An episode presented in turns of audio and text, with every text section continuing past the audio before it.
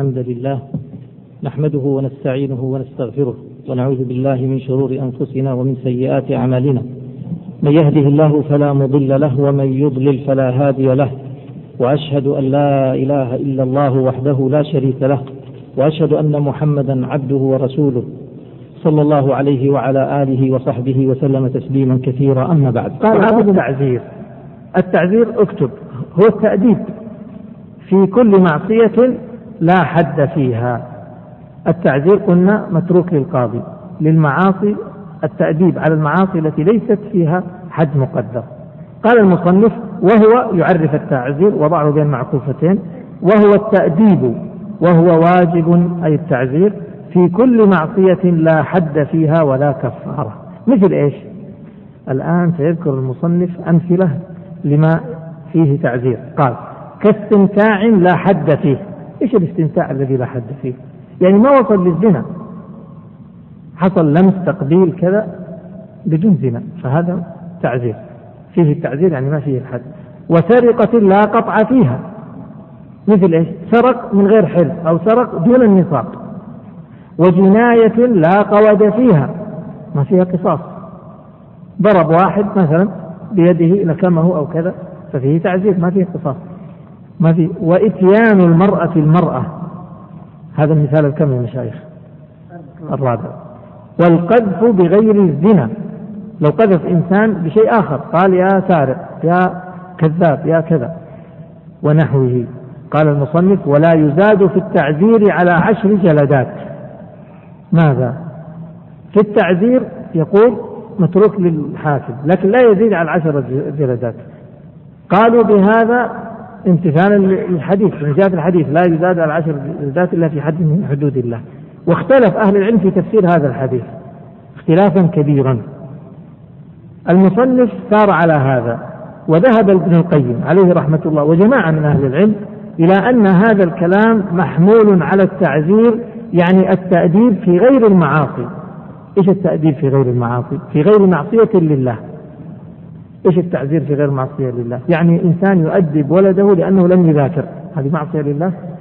لا هذا تعذيب في غير معصية لله، فيقول في مثل هذا لا يزيد إلى عشر لا, لا يزيد على العشر جلدات.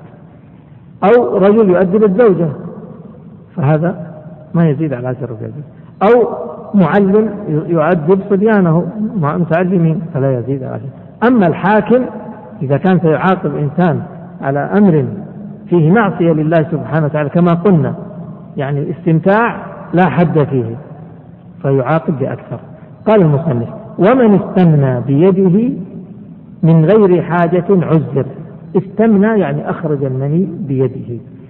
يقول من غير حاجة فإنه يعذر. يعذر يعني إيش؟ يؤدب. من الذي يؤدبه؟ الحاكم. كم يؤدبه؟ بكم؟ لا. هذه معصية لله. لا معصية إن قلنا إن قلنا بقول ابن القيم معناه يزيد على العشرة. نعم يزيد على العشرة. متروك للحاكم. قوله من غير حاجة يفهم منه أنه لو فعل ذلك لحاجة ما هي الحاجة؟ خوف الزنا وعدم الزوجة. مع عدم الزوجة أو عدم النكاح. فإن هذا تكون حاجة يعني هذه تعتبر آه، مستثنى.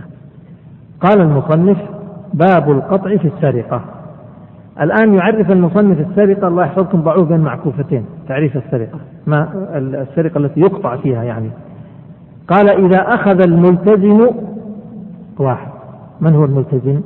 المسلم والذمي نصابا اثنين. إيش النصاب؟ سيأتي بيانه مقدار من المال حد معين. من حرز مثله يعني من مخبأ مثله. من مال معصوم. هذا أربعة. لا شبهة فيه. لكن لو أخذ مال واحد ما هو معصوم الدم. ماله حلال. فلا حرج. لا شبهة فيه. هذا خمسة. على وجه الاختفاء. على وجه الخفية. هذا ستة. قال المصنف قطع أغلق المعكوفة. صار إيش الآن؟ إذا أخذ الملتزم مقدار من المال يبلغ النصاب. وسرقه من حرز ما أخذه من الشارع. من غير حل يعني. وكان المال لمعصوم. المال لا يجوز أخذه. وليس فيه شبهة. كيف يكون في شبهة؟ إذا ظن أن هذا المال ماله فأخذه. لا يقطع. لأن له فيه شبهة. على وجه الاختفاء يقول قطع.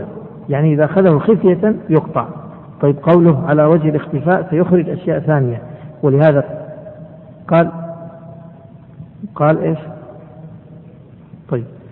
سيأتي. هذا كلام المصنف قال فلا قطع على منتهب ولا مختلف ولا غاصب الآن عندي مسألة. كيف نفرق بين السارق وبين المنتهب والمختلس والغاصب الفرق بينهم إيش؟ لاحظوا. الفرق بينهم إن الغاصب يختلف عن هذه الثلاثة. رقم الثلاثة منتهب مختلف غاصب هذول ثلاثة. الفرق بينهم أن الغاصب يأخذ المال ويستولي عليه على سبيل القهر. هذا يصير سارق. طيب إذا كان ليس على سبيل القهر فيكون عفوا عفوا على سبيل الخفية. انتبهوا الآن عندنا أربعة. وش هو؟ الغاصب يأخذ المال على سبيل القهر. اكتبوا هذا الكلام أو سيكون في ملخص يأتيكم إن شاء الله. الغاصب يأخذ المال على سبيل القهر. يقهر الناس يقهر ويأخذ مالهم. السرقة تكون خفية. النهب والاختلاس يكون جهرا يكون جهرا. إلا أن النهب يكون جهرا من ابتدائه إلى انتهائه والاختلاس لا. في الابتداء لا يكون جهرا يكون مختفي ثم يختلف ويهرب جهرا. إذا صار الفرق إيش يا إخوان؟ القهر إذا أخذ المال على سبيل القهر نسميه إيش؟ غصب. وإذا أخذ على سبيل الخفية سرقة. وإذا أخذ على سبيل العلن سميناه نهب أو أو اختلاس قال المصنف ولا خائن في وديعة الذي يخون الوديعة يأخذ الأمانة ثم ينكرها أو عارية أو غيرها. وهذه المسألة مسألة الخائن في الوديعة والعارية المذهب أنه يقطع. اكتب عندك. والمذهب قطع جاحد العارية. ليش؟ لأنه جاء في حديث المخزومية التي قطع النبي صلى الله عليه وسلم يدها أنها كانت تجحد المتاع تستعيره وتجحده. قال ويقطع الطرار. إيش الطرار؟ اللي يقطع. ويقطع الطرار الذي يبط الجيب يعني يقطع الجيب والمقصود بالجيب هذا اللي يكون على الصدر. مش اللي في الجنب. ويقطع الجيب يعني يبط الجيب أن يقطعه أو غيره ويأخذ منه. ويأخذ منه إيش؟ يعني المال. إذا المصنف قال جاحد العارية يقطع ولا ما يقطع؟ قال ما يقطع. قلنا اكتبوا عندها والمذهب أنه يقطع. الطرار الذي يقطع الجيب ويأخذ المال. يقطع ولا ما يقطع؟ يقطع. نعم. طيب لو أنه ما يقطع الجيب الذي يدخل يده في الجيب ويأخذ المال. يقطع كذلك. يسمى إيش؟ طيب الذي ينشل الناس ويسرقهم يسمى لماذا؟ لأن هذا أخذ من حرز أخذ المال من حرزه قال المصنف ويشترط أن يكون المسروق اكتبوا عنوان جانبي شروط القطع. شروط القطع. الآن ترقم الشروط. الشرط الأول ويشترط أن يكون المسروق مالا محترما. هذا الأول اكتب رقم واحد. لابد أن يكون المال محترم. إيش المال المحترم؟ يعني مال معصوم ما يجوز أخذه، لكن لو كان المال يجوز أخذه كمال الحرب مثلا فهذا لا يقطع فيه. فلا قطع بسرقة آلة لهو لأنها غير محترمة محرمة ولا محرم كالخمر لو سرق خمرا فإنه لا يقطع وعندما نقول لا يقطع معناه إيش؟ يعني يعطى جائزة تكريم؟ لا قد يؤدب بشيء آخر نعم قال ويشترط أن يكون نصابا. هذا رقم اثنين اكتب رقم اثنين. أن يكون نصابا. وهو أي النصاب ثلاثة دراهم فضة أو ربع دينار ذهبا. هذا هو النصاب. هذا الذي جاءت به السنة. ربع دينار تساوي ثلاثة دراهم. أو عرض قيمته أحدهما يعني قيمته ثلاثة دراهم من الفضة أو ربع دينار من الذهب. ربع الدينار من الذهب. تعرفون كم يساوي؟ ربع الدينار يعني يساوي تقريبا غرام وجزء بسيط. غرام وجزء بسيط. ونقف للصلاة وصلى الله وسلم وبارك على نبينا محمد. وقفنا عند الشرط الثاني من شروط القطع في السرقة. قال ويشترط أن يكون نصابا وهو ثلاثة دراهم أو ربع دينار. والثلاثة الدراهم اكتب عندها من فضة أو ربع دينار من ذهب. قال أو عرض يعني أي متاع آخر أي سلعة أخرى قيمته كأحدهما قيمته كثلاثة دراهم أو ربع دينار. سرق مثلا كتاب قيمة هذا الكتاب تبلغ الثلاثة دراهم أو تبلغ الربع دينار فإنه يجب القطع. يقول وإذا نقصت قيمة المسروق يعني بعد السرقة أو ملكها السارق يعني بعد السرقة لم يسقط القطع. وصورة ذلك إذا نقصت قيمة المسروق سرق الكتاب وقيمة الكتاب أربعة دراهم. بعد ما سرق الكتاب نزلت قيمة الكتاب وأصبحت قيمة درهمين. يسقط القطع؟ نقول لا يسقط القطع. أو ملكها السارق سرق الكتاب وقيمته أربعة دراهم. بعد ما أخذ الكتاب وسرقه وذهب به إلى البيت وإذا بصاحب الكتاب يهبه هذا الكتاب. أصبح الكتاب ملك لهم. يسقط؟ لا يسقط. قال وتعتبر قيمتها وقت إخراجها من الحرز. العبرة بالقيمة إذا متى وقت السرقة وقت إخراج المسروق من الحرز أي مكان الحفظ. حرز الشيء مكان الحفظ سيأتي بيانه. قال فلو ذبح فيه كبشا أو شق فيه ثوبا. ذبح فيه يعني في الحرز كبشا. أو شق فيه يعني في الحرز ثوبا. فنقصت قيمته عن نصاب. ثم أخرجه. أو أتلف فيه المال لم يقطع. إذا صورة ذلك. نقول الكتاب قيمته كم؟ أربعة دراهم. نصاب. دخل إلى داخل المكتبة. المكتبة هي الحرز فأخذ الكتاب. قيمته كم؟ أربعة دراهم. لو خرج بالكتاب برا المكتبة الآن وجب القطع. لا هو داخل المكتبة شق الكتاب أصبح الكتاب بعد التنزيل يساوي درهمين. ثم خرج به. الآن نقول سرق حرزا ولا أقل من حرز؟ أقل من الحرز وكذلك يقول لو ذبح الكبش يعني دخل على الحظيرة وفيه الكبش والكبش قيمته حي قيمته إيش؟ نصاب. فذبحه فنزلت القيمة على النصاب ثم أخرجه. قال لا. أو شق فيه الثوب مثل شق الكتاب. واضح المسألة هذه؟ قال لم يقطع في هذه الصور. الشرط الثالث اكتبوا الثالث أو ثلاثة أن يخرجه من الحرز. والحرز هو مكان الحفظ. فإن سرقه من غير حرز فلا قطع.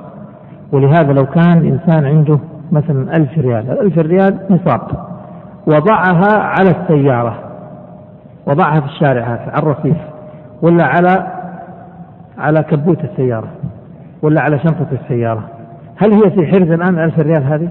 لا ما هي في حرز فلو سرقها السارق نقول لا قطع لكن إيش يجب عليه؟ يعذر لكن ما في قطع الآن لأنه ما وضعها في حرز لكن لو كانت الألف ريال في الجيب فجاء وأخذها من الجيب أخذها من حرز فتقطع يده. أو كسر الباب وأخذ الألف ريال أخذها من حرز فتقطع يده. قال أن يخرجه من حرز فإن سرقه من غير حرز فلا قطع. وحرز المال ما العادة حفظه فيه ما العادة أن يحفظ فيه. إذا الحرز سيختلف كل مال له حرزه المناسب. ويختلف باختلاف الأموال. فالغنم مثلا حرزها الحظيرة والأموال النقود والذهب حرزها البيوت والصناديق والدواليب وهكذا. قال ويختلف الحرز يختلف باختلاف الأموال والبلدان يختلف الحرز باختلاف البلدان كذلك بحسب أعراف الناس. فقد يكون في بلد حرز يعني شيء يعتبر حرز في بلد ولا يعتبر في مكان آخر حرز. يختلف باختلاف الأموال وباختلاف البلدان وعدل السلطان وجوره. عدل السلطان وجور السلطان يعني مستوى الأمن. فأحيانا يكون الأمن مستواه مرتفع فأقل شيء يعتبر حرز وأحيانا لا يكون الأمن متردي فلا يعتبر أقل شيء حرز قال وعدل السلطان وجوره وقوته وضعفه. يعني قوة السلطان وضعف السلطان أيضا له أثر في الحرز فقد نعتبر مثلا أنه إذا كان البلد آمن قد نعتبر أنه المحل مثلا إذا أغلق الباب الزجاج وقفل باب الزجاج نقول حرز لكن إذا كان البلد غير آمن ما نعتبر هذا حرز فاعتبار الحرز وعدم الحرز بحسب اعتبار الأمن واختلاف البلد واختلاف الحال. والذي يحدد هذا من هو؟ من هو في هذه القضايا؟ الحاكم هو الذي يحدد القاضي هو اللي يحدد إن هذا سرق من حرز ولا ما سرق من حرز. وترى نحن منذ يعني فترة ونحن نقرأ من يوم ما دخلنا في الجنايات دخلنا في أحكام ومسائل تتعلق بالقضاء. لكن لابد من طالب العلم أن يتعلمها. وسيأتينا إن شاء الله في الغد أبواب مهمة يحتاجها كل مسلم وهي الأطعمة والأيمان. الأحكام المتعلقة بالطعام ما هو الطعام الذي يؤكل والذي لا يؤكل؟ وأحكام الأيمان يدخل فيه نعم. وأحكام الأيمان اليمين. وأحكام النذر هذا الذي يحتاجه كل مسلم. ولذلك يعني أحرص على أنه في الغد ينبغي أنه يعني حبذا أن يحرص الإنسان على الحضور. طيب قال فحرز الأموال يعني النقود والجواهر والقماش في الدور والدكاكين والعمران ووراء وراء الأبواب والأغلاق الوثيقة. الأغلاق يعني الأقفال الوثيقة. وحرز البقل وقدور الباقلاء ونحوهما وراء الشرائج إذا كان في السوق حارس. الشرائج يعني أشياء يصنعونها من الخشب ويجعلونها حرز للباقلاء وللبقول ونحوها. هذا يختلف باختلاف البلد يعني هذا يمثل المصنف بأمثلة كانت في زمنه لكن اليوم سيختلف من بلد إلى بلد وسيختلف من مكان إلى مكان. قال وحرز الحطب والخشب الحظائر. جمع حظيرة. وحرز المواشي الصير. والصير جمع صيرة وهي الحظيرة حظيرة الغنم يسمونها صير حظائر الغنم. وحرزها في المرعى يعني حرز الغنم في المرعى بالراعي بوجود الراعي ونظره إليها غالبا. إذا الغنم إن كانت في الحظيرة حرزها الحظيرة وإن كانت في المرعى حرزها إيش؟ وجود الراعي ونظره في الغالب يعني كونه ينظر إليها دائما ما يغفل عنها. غالبا يعني أكثر الأحوال أنه يراقبها. فإذا سرقها استغفر الراعي وسرقها يكون سرق من حرز. الرابع الشرط الرابع. وأن تنتفي الشبهة. إذا الرابع؟ انتفاء الشبهة الشرط الرابع بالقطع. فلا قطع بالسرقة من مال أبيه وإن علا. إذا سرق الإنسان من مال أبيه نقول هذه شبهة لأنه قد يظن له حق في مال أبيه. أو يكون فعلا له حق في مال أبيه. فهذه شبهة لا يقطع بها. لكن معناه إذا قلنا لا يقطع معناه ممكن إيش؟ يعذر. والتعذير مرد للحاكم. قد يرى تعذيره فيعذره وقد لا يرى ذلك وقد يعني يفعل المصلحة. يقول ولا من مال ولده وإن سفل. كذلك له فيه حق في مال الولد. قال والأب والأم في هذا سواء. يعني إذا أخذ من مال الأب أو الأب أو الأم إذا أخذ من الأم مثلا لو أخذ من مال الولد كذلك لا تقطع لأن لها فيه حق وفيه شبهة. قال ويقطع الأخ وكل قريب بسرقة مال قريبه. الأخ لو سرق من مال أخيه انتبهوا. الأخ سرق من مال أخيه دون النصاب في قطع ولا ما في قطع؟ في ولا ما في؟ ما في ليش؟ عشان النصاب ما توفر.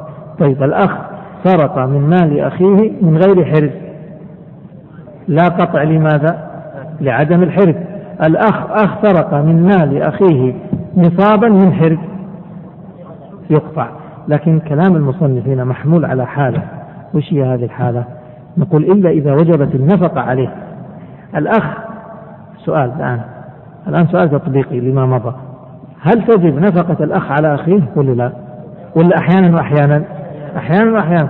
فإن كان في هذه الحالة في حالة لا تجب النفقة عليه فسرق منه. إيش نسوي؟ يقطع. وإن سرق من أخيه الذي تجب نفقته عليه لا ما تقطع لأنه أصبح له حق في هذا المال أصبح فيه شبهة فمعناه يعذر يقول ولا يقطع أحد الزوجين بسرقته من مال الآخر ولو كان محرزا عنه. ها هنيئا للنساء الآن. لا يقطع أحد الزوجين. طيب الأخ قطعناه بأخيه والزوج والزوجة قالوا لا لا يقطع لماذا؟ يقول لأن بينهم إرث يرثها آه، يرثها وترثه ولأنه يتباسط عادة بين الزوجين في قضايا المال في العادة. قال وإذا سرق عبد من مال سيده يقطع ولا ما يقطع؟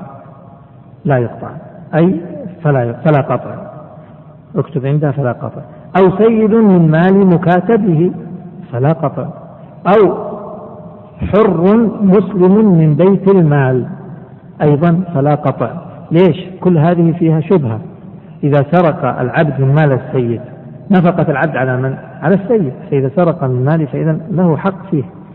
فهذه شبهة. ما نقطع. إذا ما قطعنا معناه إيش؟ لا ننسى. حتى لا يظن الناس أو يفهم الفاهم أنه أنه يجوز تجوز هذه السرقة وأنها حلال وأنها لا عقوبة. لا هناك عقوبة يقدرها الحاكم تسمى التعزير إذا رأى ذلك. أو سيد من مال المكاتب كذلك أو مسلم من بيت مال من بيت المال. ما ما يقطع. لماذا؟ لأن المسلم له حق في بيت المال وإن كان هذه أخذ السرقة والعياذ بالله أن يسرق بيت المال لكن لا قطع فيها بالشبهة. أو من غنيمة لم تخمس سرق من غنيمة لم تخمس. لم تخمس يعني إيش؟ يعني لم تقسم للساعة ما خمست ما قسمت على المقاتلين. فلا يقطع لماذا؟ لأنه له فيها حق شبهة.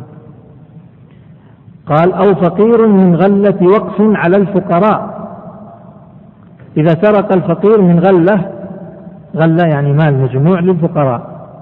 صندوق للفقراء. فسرق الفقير من هذا الصندوق. له فيه شبهة فلا قطع. هذه الصورة الكم؟ ولا ما رقمت؟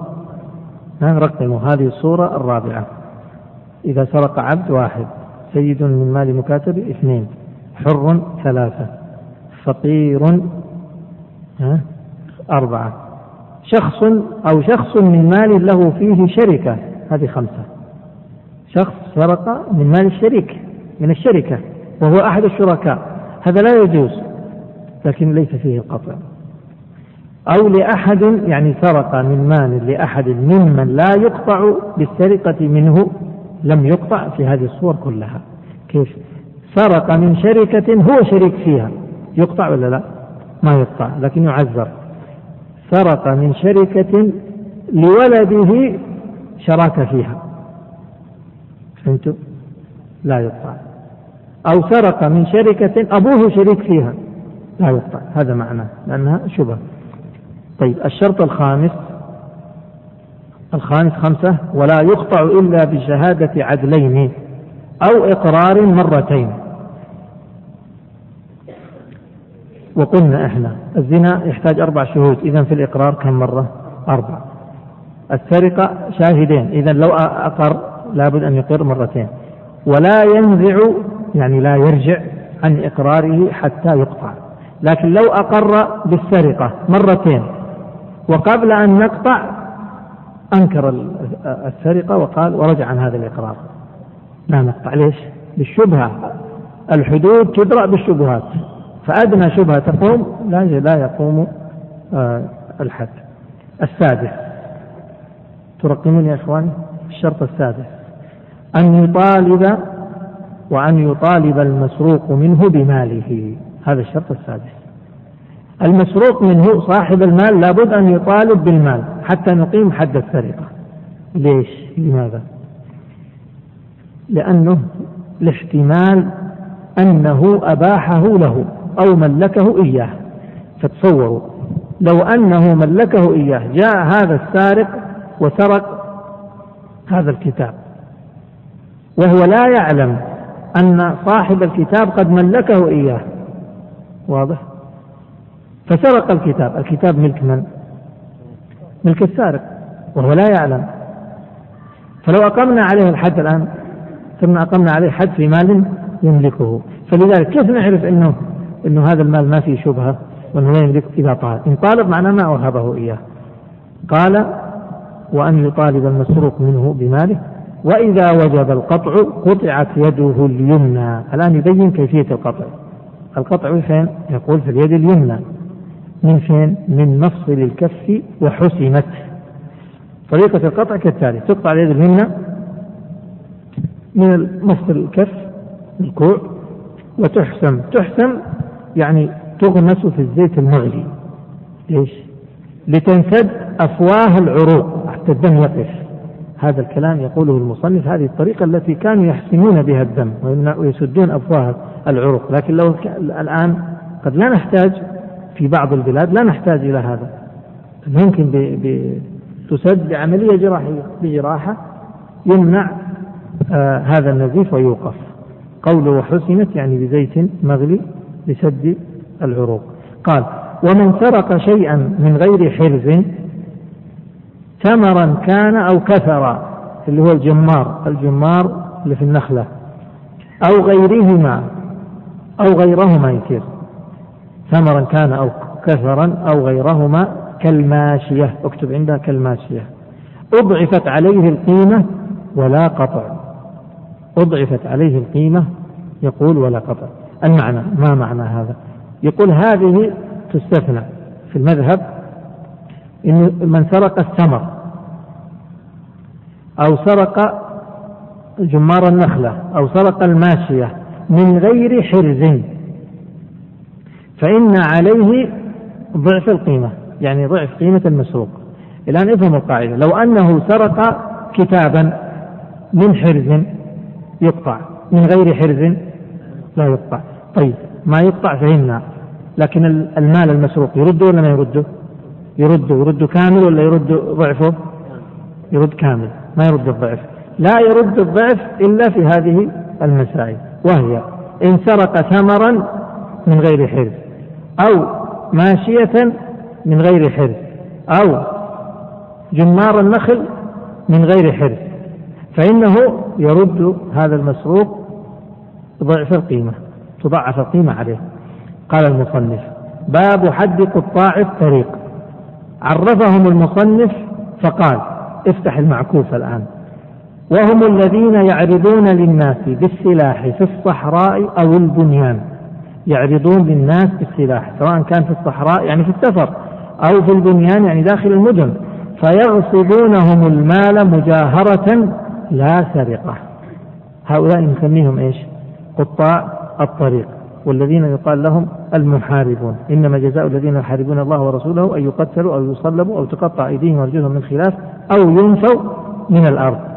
أربع عقوبات ترتبت على فعلهم هذا. طيب هؤلاء الذين خرجوا على الناس مجاهرة بالسلاح ما حكمهم؟ لهم أربع حالات. لأنهم إما أن يقتلوا في خروجهم هذا يقتلوا ويأخذوا المال. هذه الصورة الأولى. فإن قتلوا وأخذوا المال قتلوا وصلبوا. قتلوا وصلبوا. طيب إن قتلوا فقط ولم يأخذوا المال قتلوا ولم يصلبوا. أي يقتلوا أو يصلبوا. وإن أخذوا المال ولم يقتلوا قطعت أيديهم وأرجلهم من خلاف. اليد اليمنى مع الرجل اليسرى. فإن خرجوا على الناس لا قتلوا ولا أخذوا المال ينفوا من الأرض فقط. هذا الذي ورد تفسيره عن ابن عباس رضي الله عنه وأرضاه. قال المصنف فمن قتل منهم أو فمن منهم قتل مكافئا أو غيره يعني غير مكافئ كالولد إذا قتله الأب يعني هذا القطاع الطريق قتل ولده.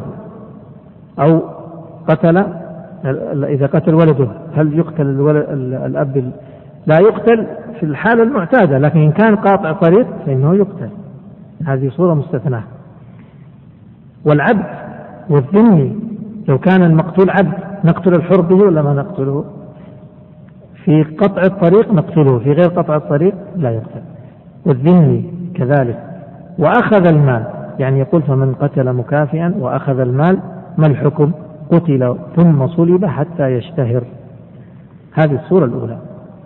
الحالة الثانية. وإن قتل ولم يأخذ المال قتل حتما ولم يصلب.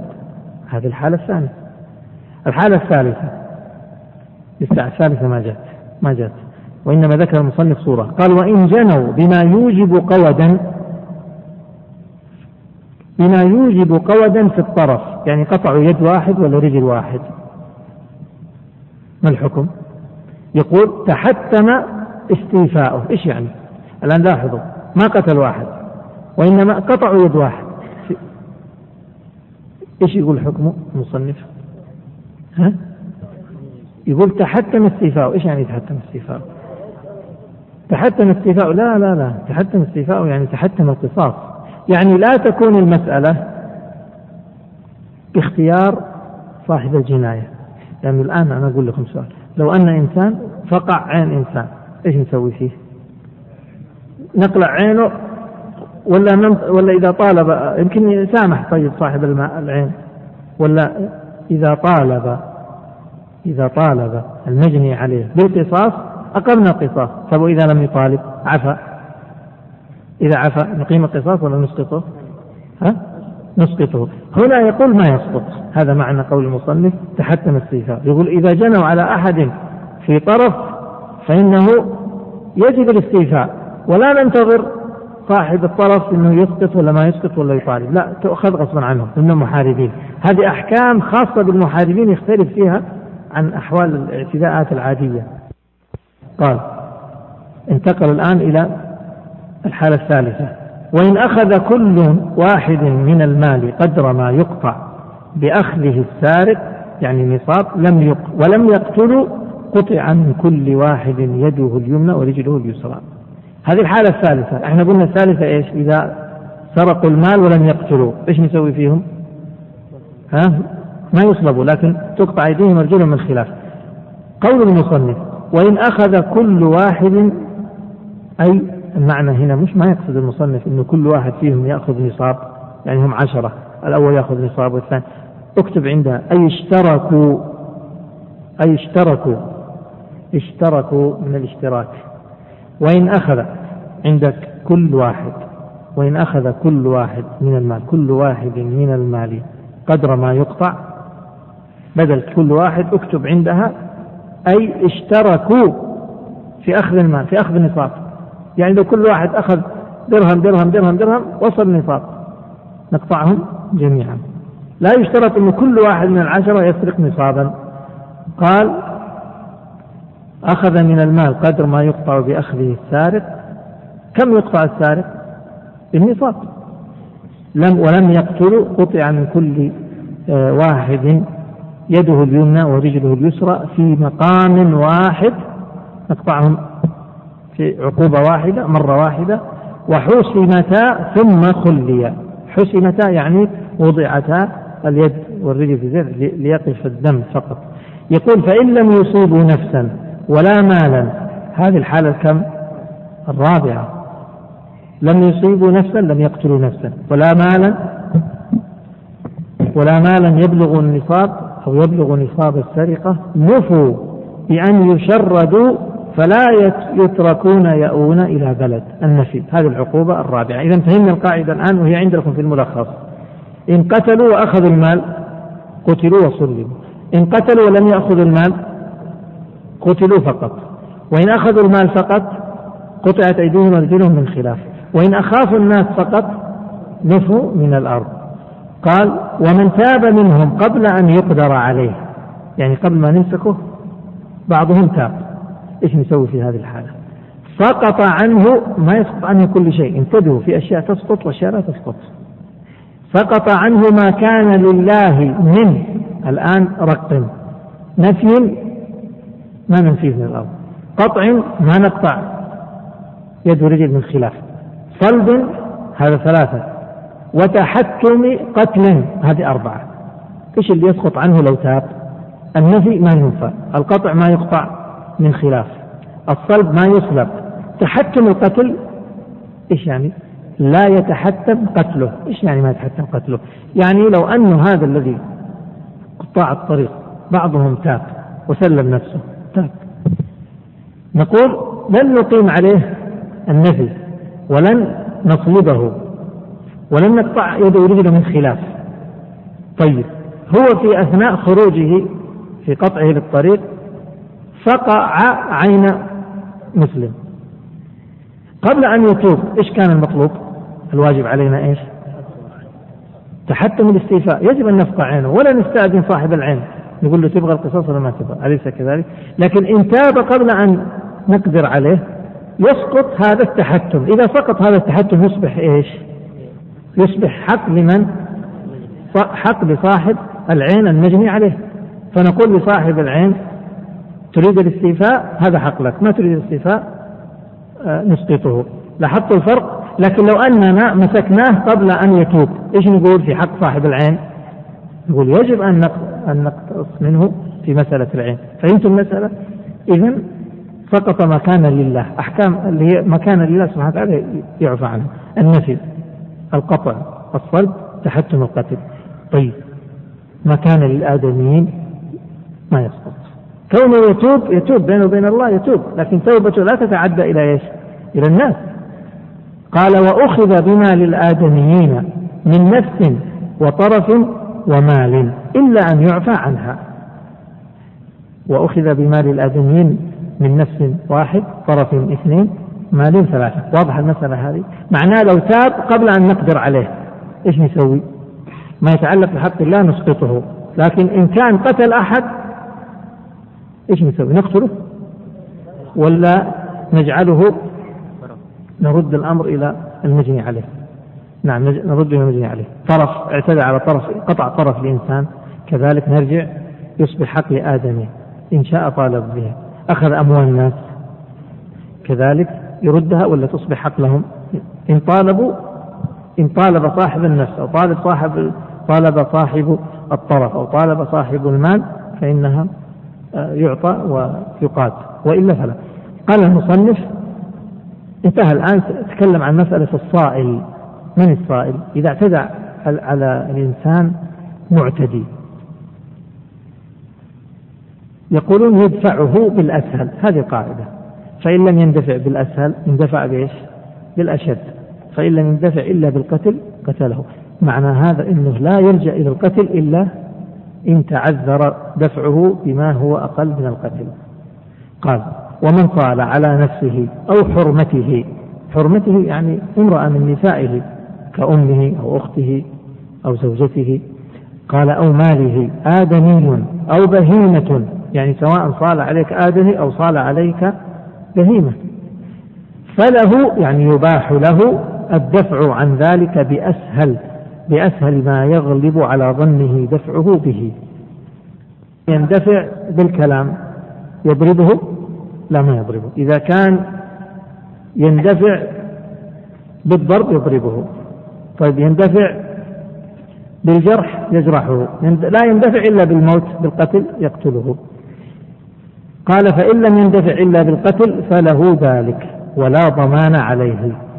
لكن الإشكال في أمر إنه لو قتل الإنسان يقول الفقهاء ينصون على هذا يقول لو قتل إنسان وادعى أنه صال عليه يقبل هذا ولا ما يقبل؟ ما يقبل. لازم يثبت. أرواح الناس ما هي لعبة. كل واحد يقتل واحد يقول إيش؟ هذا كان يريد أن يقتلني فدفعتنا عن نفسي. أو يدعوه في البيت ويقتله ويقول إيش؟ آه صال علي هذا. إذا لا يقبل إلا ببينة. قال ولا ضمان عليه فإن قتل فهو شهيد. ويلزمه الآن يتكلم عن مسألة الدفع هذا هل هو واجب ولا مستحب؟ إيش رأيكم؟ طل اي تفصيل. طيب. قال المصنف ويلزمه الدفع في حالات. ما هي؟ ويلزمه الدفع عن نفسه. لو كان يريد قتلك فهل دفاعك عن نفسك واجب؟ يصبح ولا مستحب؟ واجب. اكتب عندها في غير فتنة. هم يقولون واجب ويقصدون في غير الفتنة. أما إذا كانت فتنة والعياذ بالله بين المسلمين فكن عبد الله المقتول ولا تكن عبد الله القاتل. أما في غير فتنة فتذب عن نفسك وجوبا. وحرمته اثنين. أراد أن يعتدي على المرأة على الأم على البنت على الزوجة والعياذ بالله. هنا نقول الدفاع واجب ولا مستحب؟ واجب دون ماله. لو كان يريد أن يعتدي على المال فدفاعك عن المال الآن واجب أم غير واجب؟ لا ما هو واجب. إن دفعت لك ذلك. لكن إن تركته يأخذ المال وقلت لا أنا المال يذهب أفضل من إيش؟ من أن تزهق روح. فلا حرج. قال ومن دخل منزل رجل متلصصا فحكمه كذلك. في ماذا؟ في الدفع بالأسهل. اكتب عندها أي في الدفع بالأسهل. قال باب قتال أهل البغي. أهل البغي هم أهل الظلم. الآن لاحظوا الباب هذا يشابه الباب السابق. الباب السابق كان باب إيش؟ قتال مين؟ قطاع الطريق. وهؤلاء يسمون البغاة. البغاة يختلفون عن قطاع الطريق. يختلفون في صفتهم يختلفون في أحكامهم. فمن هم البغاة؟ قال المصنف. إذا خرج قوم هذا واحد الخروج. الخروج خرج قوم لهم شوكة. الشوكة اثنين. يعني لهم قوة. لهم شوكة ومنعة على الإمام. هذا الإيش؟ يقول هذا الثالث. إذا خروج قوم بقوة على الإمام يس... إلى الآن يعني على الإمام بتأويل سائغ بتأويل سائغ قال فهم بغاة. إذا البغاة من هم؟ هذا تعريفهم ضعوا بين معكوفتين. إذا خرج قوم لهم شوكة وقوة خرجوا على الإمام ولهم تأويل سائغ ما معنى تأويل سائغ يعني لهم شبهة. لهم شبهة. طيب إذا ما كان عندهم تأويل أصلا وخرجوا على الإمام نسميهم بغاة؟ لا ليسوا بغاة. هذول إيش؟ قطاع طرق. قطاع طرق محاربين. إن كان عندهم تأويل ما عندهم تأويل أبدا أو تأويلهم غير سائغ يعني ما عندهم شبهة. فعند كذلك. إذا اكتب عندها وإلا فقطاع طرق يعني سيأخذون حكم قطاع الطرق. إذا قلنا هم قطاع طرق إيش حكمهم يصير؟ إن قتلوا وأخذوا المال قتلوا وصلبوا وإن قتلوا ولم يأخذوا المال قتلوا ولم يصلبوا. وإن أخذوا المال قطعت أيديهم وارجلهم من خلاف. وإن أخافوا الناس نفوا من الأرض. هذا حكمهم. إذا قلنا هم قطاع طرق. وإن قلنا هم بغاة فلهم حكم آخر. ما هو؟ قال وعليه أن يراسلهم. يعني الإمام. عليه أي الإمام. أن يراسلهم فيسألهم ما ينقمون منه. ما هو سبب خروجهم؟ ما هو سبب خروجهم؟ فإذا ذكروا مظلمة أزالها وإن ادعوا شبهة كشفها. ادعوا مظلمة. قالوا إحنا مظلومين في كذا. يزيل هذه المظلمة عنهم وخلاص يرجعون. ادعوا شبهة. قالوا أنت آه، كفرت بهذا الفعل. فيبين لهم هذه الشبهة يقول لا هذا الفعل ليس بكفر. هذا الفعل يجوز يباح يحل فيه خلاف فيه نظر فيه يعني يبين لهم هذه الشبهة. نعم أصلها طبعا حديث ابن عباس في الخوارج. قال فإن فاءوا يعني رجعوا وإلا قاتلهم. إذا يقاتلهم الإمام إذا رفضوا الرجوع. طبعا ويقولون إنه الرعية وش تسوي في هذه الحالة. قالوا يقاتلون معه مع الإمام. وإلا قاتلهم وقاتلت الرعية معه. وإن اقتتلت طائفتان لعصبية أو رئاسة فهما ظالمتان. هذه مسألة جديدة. يقول إذا حصل قتال بين فئتين من المسلمين لعصبية عصبية لجاهلية كل قبيلة تدعي أنها أفضل أو أنها أحق أو بسبب رئاسة فهما ظالمتان وتضمن كل واحدة ما أتلفت على الأخرى لأنها ما نعتبرهم بغاة هذا ليسوا بغاة. طيب ثم قال المصنف ختم هذا الكتاب بباب حكم المرتد والمرتد هو الذي كفر بعد الإسلام والردة تكون حبذا أن تكتبوا هذا الردة تكون بالقول أو الاعتقاد أو الفعل أو الشك. قال وهو الذي يكفر بعد إسلامه. الذي يكفر بعد إسلامه نقول هذا مرتد. لكن الذي هو كافر أصلا هذا نقول مرتد؟ لا ما مرتد. إذا قلنا مرتد ولا غير مرتد؟ المسألة ما هي مسألة تسمية وإنما ينبني عليها أحكام. إن قلنا مرتد سنعطيه حكم. استتاب فإن عاد إلى الإسلام وإلا قتل. لكن إن قلنا هو كافر أصلي نستتيبه لا ما نستتيبه خلاص هو كافر أصلي يبقى على كفره إذا شاء. قال المصنف وهو الذي يكفر بعد إسلامه ثم مثل للردة. فقال فمن أشرك بالله عبد مع الله سبحانه وتعالى إله آخر. يكون من الصنم يكون من الأموات يكون من القبور يكون من الجبال يكون من الشمس قمر إلى غير ذلك. قال أو جحد ربوبيته جحد ربوبية الله. قال لا الله ليس هو الخالق. أو وحدانيته أنكر أن الله واحد. أو صفة من صفاته يعني المتفق عليها. قال لا الله ليس عليم ما يعلم شيء ولا سميع ولا بصير مما أثبت الله لنفسه. أو اتخذ صاحبة أو اتخذ لله صاحبة أو ولدا يعني نسب لله الصاحبة أي الزوجة أو الولد. أو جحد بعض كتبه بعض كتب الله أنكر قال القرآن ما هو كلام الله. التوراة التي أنزلت على موسى ليست كلام الله. طبعا لو قال هذه التوراة التي بين أيدينا محرفة غير لكن لو أنكر الكتاب المنزل أو رسل أو بعض رسله أنكر قال موسى ليس نبي الله أو عيسى ليس نبي الله. أو سب الله تعالى والعياذ بالله. أو سب رسوله فقد كفر. طبعا كفر هذا حكمه في الآخرة. وحكمه في الدنيا من الذي يحدد أنه كفر أو ما كفر؟ قلنا الحاكم. طبعا لا يثبت كفره أما في الآخرة فيثبت كفره بمجرد أن يصدر منه الكفر. أما في الدنيا ما يعطى أحكام المرتد في الدنيا إلا بعد أن يحكم عليه الحاكم القاضي. لئلا تصبح الحياة فوضى. كل واحد يحكم على الآخر يقول هذا قال الكلمة الفلانية فهذه ردة إذا هو مرتد إذا هو كافر إذا هو حلال الدم إذا هو مباح الزوجة إذا هو لا يحل هذا ولا يجوز. قال ولا يعني انتبهوا ولا يعني هذا. المسألة تحتاج إلى حسم الفوضى من جهتين. لا يعني هذا أن الإنسان إذا تلفظ بالكفر أو اعتقد الكفر أنه لن يكفر عند الله إلا بصدور حكم الحاكم. لا طبعا. من اعتقد الكفر سيكون حصد جهنم والعياذ بالله خالد مخلد فيها حتى لو ما صدر فيه حكم حاكم. إذا استهزأ بالدين أو استهزأ بالله أو سب الله أو سب رسوله أو انتقص شرعه بينه وبين الله حكمه في الآخرة هو إلى الله. الله يعلم منه الكفر فيعامله بما يستحق. لكن في الدنيا لا سنعامله على الأصل حتى يثبت خلاف. فلا يركن الإنسان يقول لا ما دام ما صدر حكم حاكم أنا أنا على الإسلام لا طبعا. هذا أمر الأمر الثاني لا تكون قضية فوضى كل واحد يطلق حكم التكفير على الغير فإن هذا لا يجوز. قال ومن جحد تحريم الزنا. قال الزنا حلال. ما رأيكم؟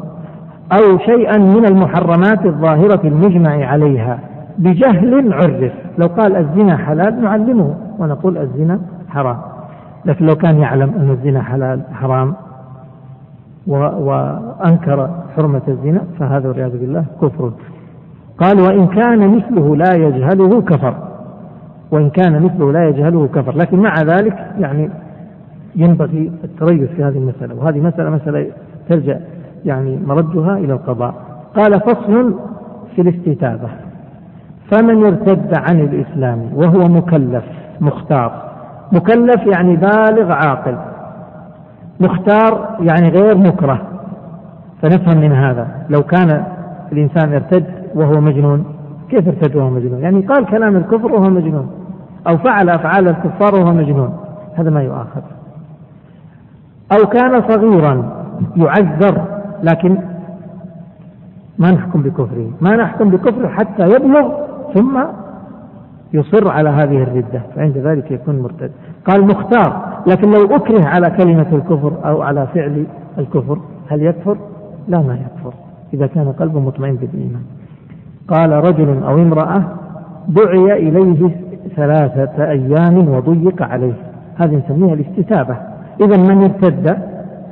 فأول ما نفعل معه الاستتابة نستفيده ثلاثة أيام ويضيق عليه ويحبس فإن لم يسلم قتل بالسيف. وسبق كلام المصنف إنه القصاص يكون بالسيف والقتل يكون بالسيف ولا يكون بغيره. قال ولا تقبل توبة من سب الله واحد أو رسوله اثنين ولا من تكررت ردته ثلاثة. هذه مسألة. ما هي المسألة هذه؟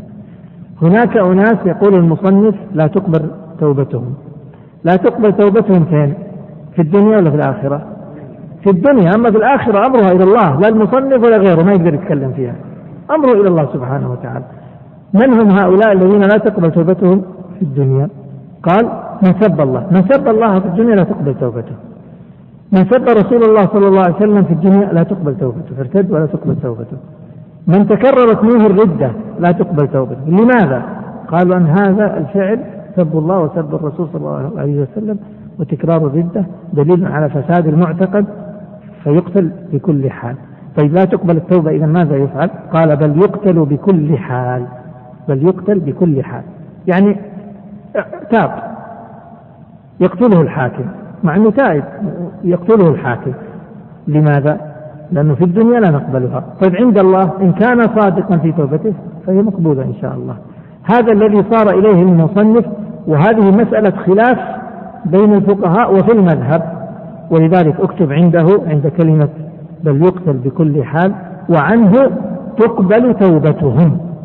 وعنه تقبل توبتهم هذا هو الصحيح.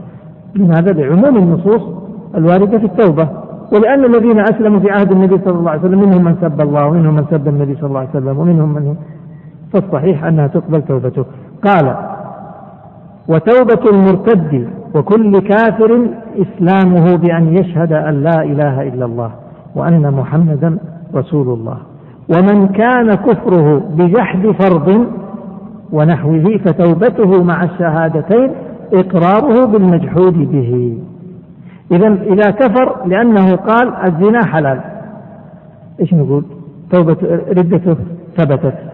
بحكم الحاكم كيف عودته إلى الإسلام؟ الشهادتين وأن يقر بأن الزنا حرام. وهكذا لو قال الصلاة ليست واجبة. ما هي واجب ولا فرضها الله على الناس ولا يلزم الناس أن يصلوا. قلنا هذا الكلام نعلمه يعلمه القاضي ويستتيبه. فإن تاب ماذا نفعل؟ يشهد شهادتين ويقر أن الصلاة واجبة فرض. قال إقراره بالمجحود به أو قوله أنا بريء من كل دين يخالف دين الإسلام. يعني إقرار مجمل عام أنه بريء من كل دين يخالف دين الإسلام. وبهذا نكون قد انتهينا مما يتعلق بمسألة الحدود. وسنبدأ في الغد إن شاء الله في الأطعمة. وما جرى مجراها ويبقى لنا إن شاء الله تعالى في الغد الثلاثاء والأربعاء قد تبقى صفحات صفحتين ثلاثة نأخذها الخميس نأخذها في, في الأربعاء نأخذها السبت يستاهل الله سبحانه وتعالى. تحب نغلق الخميس؟ الأربعاء طيب علومة لا نستعجل في الغد. كنت أفكر أقول لو في الغد مثلا آه، نبدأ بدري أو يوم الأربعاء نبدأ بدري. طيب آه، غدا على العادة بعد المغرب وطبعا المراجعة قبل المغرب ويوم الأربعاء يعني يقضي الله أمرا كان مفعولا. ننتقل إخواني وبسرعة للأسئلة وما أكثرها. بالله ركزها الله يحفظك. هذا يقول يقول ماذا؟ سنبدأ بحسب الترتيب الزمني. هذا سؤال تقول إنه اشترت معلمات اشترينا برنامج حاسب آلي بألف وكذا ريال وبعدين وجدوا فيه عبارة أسأل الله داخل ال ال لما أخذوا النسخة الأقراص وأرادوا أن ينسخوها أرادوا أن ينسخوا منها اشتروا نسخة أصلية وأرادوا أن ينسخوا منها فوجدوا بداخلها أسأل الله أن لا يبارك في من نسخ هذه الأقراص وأكل جهدنا ولا في أولاده ولا في ماله إيش بقي؟ لا يقبل الله منه صرفا ولا عدلا وعليه لعنة الله والملائكة والناس أجمعين. على العموم مثل هذا ما الحكم؟ طبعا تقول أنا ما علمنا ما كنا نعلم قبل الشراء. إن, إن من آه هذه المسألة مسألة النسخ هذه القضية متنازعة. ليش؟ لأنه بيع وشرط المذهب وهذا مذهب كثير من الفقهاء يقولون إذا بعتك شيء ما يجوز أشرط عليك. أنك ما تنسخ أو ما تبيع أو ما تهدي أو كذا. وقلة من الفقهاء يقولون بل الشرط صحيح. يجوز أن أبيعك هذه الساعة وهذه النظارة وأقول بشرط ألا تبيعها. أكثر أهل العلم يقولوا ما يجوز هذا الشرط. لكن هذه المسألة بالذات في نظري إنها لها تعلق بجانب آخر وهو الضرر وهو الضرر وهو الضرر. ما هو الضرر؟ يعني مثل هذا الذي يشتري البرنامج ثم ينسخه. فلا شك أنه يضر بهذه الشركة الناسخة. فأنا أقول مسألة في رأيي ترتبط بالضرر. فإن كان في مثل هذا الفعل ضرر فهذا الصحيح أنه ما يجوز. كأن ينسخه فيبيعه. ما في شك أن هذا ضرر. لكن لو نسخ نسخة واحدة لنفسه أو لزميله هل في هذا ضرر أو, أو ليس فيه ضرر؟ يبدو أنه إذا كثر هذا الأمر سيكون فيه ضرر. ولذلك أنصح. أقول الورع إن كان سعر هذا السي دي مناسب بمعنى أنه سعر هذا البرنامج هو حقه سعر آه، مثيله وهذا هو سعر المثل. فالأولى بالإنسان أن يشتريه وأن يجتنب مثل هذا. وإن كان تأكد أن مثل هذا النسخ فيه ضرر فقطعا أنه ما يجوز. وأنا ما أعرف لا أعرف البرنامج ولا أعرف إيش وضعه. وأحبذ عدم الدخول في هذا. وبالنسبة للأخت التي تورطت اشترت هذا البرنامج ترده وتقول أنا يعني تورطت فيه. طيب يقول لو كانت القبيلة تحلف خمسين يمين وكذب وتقتل الرجل. هذا يا إخوان ما هي بهذه البساطة؟ القسامة لها عشرة شروط. ما ذكرها المصنف المصنف بس إنما عرج عليها بسرعة. لها عشرة شروط. إذا توفرت وجب القصاص لكن هذا الإشكال الذي تريده الآن يمكن أن يرد على أمر ثاني. ما رأيك لو أن رجلا أتى باثنين شهود وقال فلان قتل فلان؟ سيقام الحد القضاة ليسوا بهذه البساطة. كل ما جاء اثنين وشهدوا قال والله فلان القاتل أقاموا القصاص بهذه البساطة. لا. فأنا يعني قصدي لا يشكل على مسألة القسامة لأنها ليست بهذه البساطة. وإذا كان سيكون وإذا كان سيقال مثلا أنه والله القسامة هذه لعب معناه أنه واحد يحلف خمسين يمين. أقول طيب الشهادة كذلك؟ معناه واحد يجيب اثنين شهود ويعطيهم مال ويقول لهم اشهدوا أن فلان قاتل حتى نقتله. القاضي لا يقبل أي شهادة ويسأل ويتمحص ويفحص ما هي بالبساطة هذه؟ يقول هل يجوز للأخت أن ترضع أختها؟ ترضع أختها ما في حرج. وإن قال إن تزوجت امرأتي آه، إن تزوجت فامرأتي طالق. آه، طبعا لا يقع الطلاق. إن تزوجت قبل الزواج ما يقع الطلاق. لم نستطع أن نحصل أو نأخذ نسخة من الشريط بالأمس. هذه مشكلة مشكلة أخرى. ما وزع الآن يوزع يقول. الإخوان يقول الآن يوزع. هذا يسأل يقول عن ديات أهل البدع. دية أهل البدع من المسلمين يعني دية مسلم. لأنه إلى الآن ما خرج من الإسلام. فما نقول هو كفر. أما إن ثبت إن ثبت كفره أو ردته فنعامله معاملة المرتد. والمرتد إيش ديته؟ ما في دية. المرتد ما في دية. فالشاهد الأصل أنه هو مسلم. طيب قال رضاع الأخ الأكبر والأخت الزوجة الكبرى. هذه هذا سؤال بس أنا الآن أتذكره من ال يعني ما أريد أن أقرأه إنما أتذكر السؤال. الأخ يقول إنه أريد أن أتزوج بامرأة. هذه المرأة أخي رضع منهم. نقول لا حرج تزوج. يقول وأختها رضعت منا. نقول لا حرج تزوج بهذه المرأة. كيف تتزوج بالإيش؟ بالأخت التي رضعت. لأن هذه التي رضعت أصبحت أخت لكم. وبالنسبة لأخوك الذي رضع لا يجوز له هو أن يتزوج. طيب. يقول هذا طلقت زوجتي طلقة واحدة من أسبوع والآن تراجعت وندمت على أراجعها. فكيف العمل؟ تردها بكلمة وتقول راجعت زوجتي فترجع إليك. إذا كانت هذه الطلقة الأولى أو الثانية. أما كانت هذه الطلقة الثالثة فلا يصح. وأصلح حالك معها ويعني نعم نعم. أنت صاحب السؤال؟ يقول هذه المرأة اللي بتزوجها أختها رضعت منا. أختها تحرم عليه لكن هي؟ يقول العائلتين. بنت من هنا رضعت هنا وولد من هنا رضع هنا. نقول هذه البنت اللي رضعت هنا أصبحت أخت وهذا الولد اللي رضع من هنا أصبح أخ لكن البقية ما يدخلون. طيب. عندنا زوايا.